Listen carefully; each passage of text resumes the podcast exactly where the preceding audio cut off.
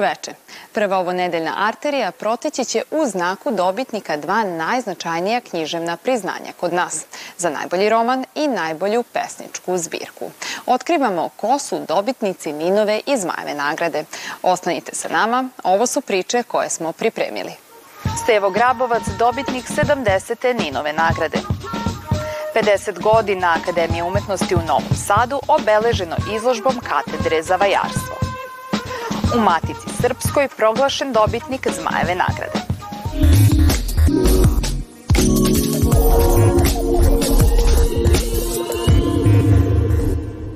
Najznačajnije književno priznanje kod nas, Ninova nagrada, koja se dodeljuje od 1954. godine, među čijim dobitnicima su se našla neka od najznačajnijih imena domaće književnosti, kao što su Miloš Crnjanski, Danilo Kiš, Oskar Davičo, Dragoslav Mihajlović i mnogi drugi, uručena je danas u Beogradu. Sa ovogodišnjim dobitnikom, Stevom Grabovcem, razgovarala je Vojka Pajkić-Đorđević. Ove godine svi ste vi pisci imali tu ubitačnu prvu rečenicu sa kojom otvarate roman, pa i vi. Šta nam one govore već u samom startu? Da, ja sam želio da ispričam priču i taj moj roman zapravo govori o toj mojoj želji o pokušaju pisanja priče o jednom užasnom zločinu koji se zaista desio. Dakle, nije plod moje mašti, nije izmišljen, stvarno se desila jedna takva gnusna stvar i to je nešto što je mene, mene recimo proteklim godinama proganjalo, proganjalo me kao, kao, kao čovjeka koja je misao koju nisam mogao da, hajde da kažem, da procesuiram u sebi, nisam mogao da shvatim kako neko jednostavno može da zaboravi te stvari, prepusti zaboravu i da nikoga ne zanima naprosto, a onda tu jedino može da zanima književnost. Da li je taj nezaborav i nečinjenje još gori zločin? Naravno da jeste, naravno da jeste. Da kažem, pošto ja u, suštinski kao čovjek povodom tog zločina ne mogu da uradim ništa, jer tu su mi ruke zavezane, ja sam obično ljudsko biće koje nema moć da procesuira takve stvari, da ih dovede tamo gdje, da dovede zločince tamo gdje bi trebalo, onda mogu jedino kao književnik da pokušam na neki način, na neki svoj način da dobijem neku vrstu zadovoljštine za te nesretno stradale da tu nesretno stradalu djecu zapravo, jer roman govori o stradanju djeci. A, recite mi još jedno, kako da razumemo figuru oca kroz ovu priču koju nas vodite? Pa ja u, jednom, u jednoj rečenici kažem da je otac produžena ruka Božija. otac je ta, ta centralna figura zapravo oko koje se stvara karakter mog pripovjedača koji zapravo pokušava da otkrije zapravo da i očev identitet mnogo prije nego li svoj. To je na neki način traganje za identitetima između oca i sina. Otac je nekako ostao neotkrivena ličnost zapravo jer je neotkrivena ličnost iza, iza samog junaka. On može da bude do duše to u jednom dijelu knjige i kažem. On može stvarno da bude plod fikcije jer sve ono što o njemu znamo zapravo je samo niz priča. E, interesuje me šta očekujete, kakvu vidljivost e, vaše i ove knjigi prethodne kada je Ninova nagrada u pitanju?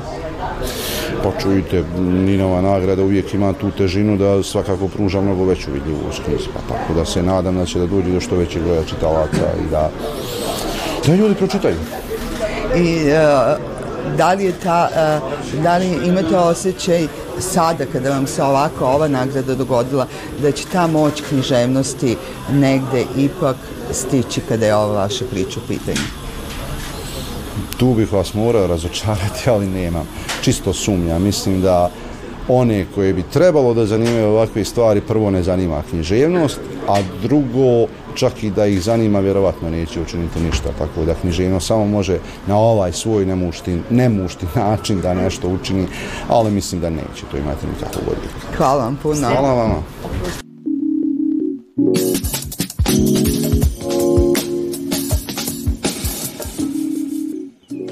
U slavu velikog pesnika Jovana Jovanovića Zmaja, 1953. godine osnovana je Zmajeva nagrada.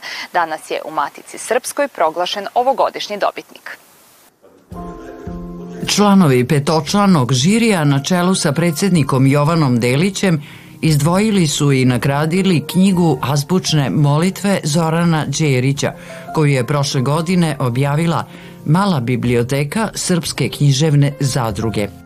Da vas podsjetim da se nagrada dodjeljuje od 1953. godine, da se dodjeljivala i za prozu i za poeziju, da je tada prvi dobitnik bio Antonij Isaković, naravno, da je prošlogodišnji dobitnik bio uh, Mio Raičević, da smo ove godine imali um, zaista ogroman broj naslova, uh, a da smo izdvojili na prvoj sjednici 20 naslova. Ona je, možemo reći, u znaku jednog, jedne postmodernističke razigranosti koja uključuje pre svega odnos prema jeziku, odnos prema materijalitetu jezika.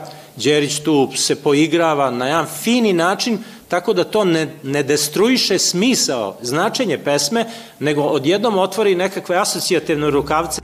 Zoran Đerić objavio je 16 pesničkih knjiga.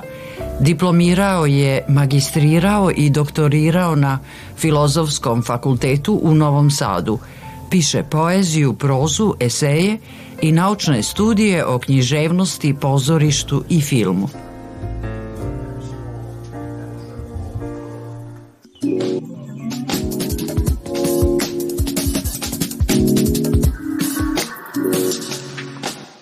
Vajarstvo je na Akademiji umetnosti u Novom Sadu postojalo od njenog osnivanja, najpre kao obavezan predmet da bi 90. godina prošlog veka bila oformljena katedra za vajarstvo. Sada, pet decenija od kako je Akademija osnovana, u njenom galerijskom prostoru otvorena je izložba Prostori skulpture profesora i saradnika katedre za vajarstvo Departmana likovnih i primenjenih umetnosti. Kako se na katedri oduvek težilo praćenju savremenih tokova u vajarstvu, nastoje da takav kurs se održe i danas, te da neprestano unapređuju nastavni proces koji je povezan sa umetničkim stremljenjima zaposlenih na katedri.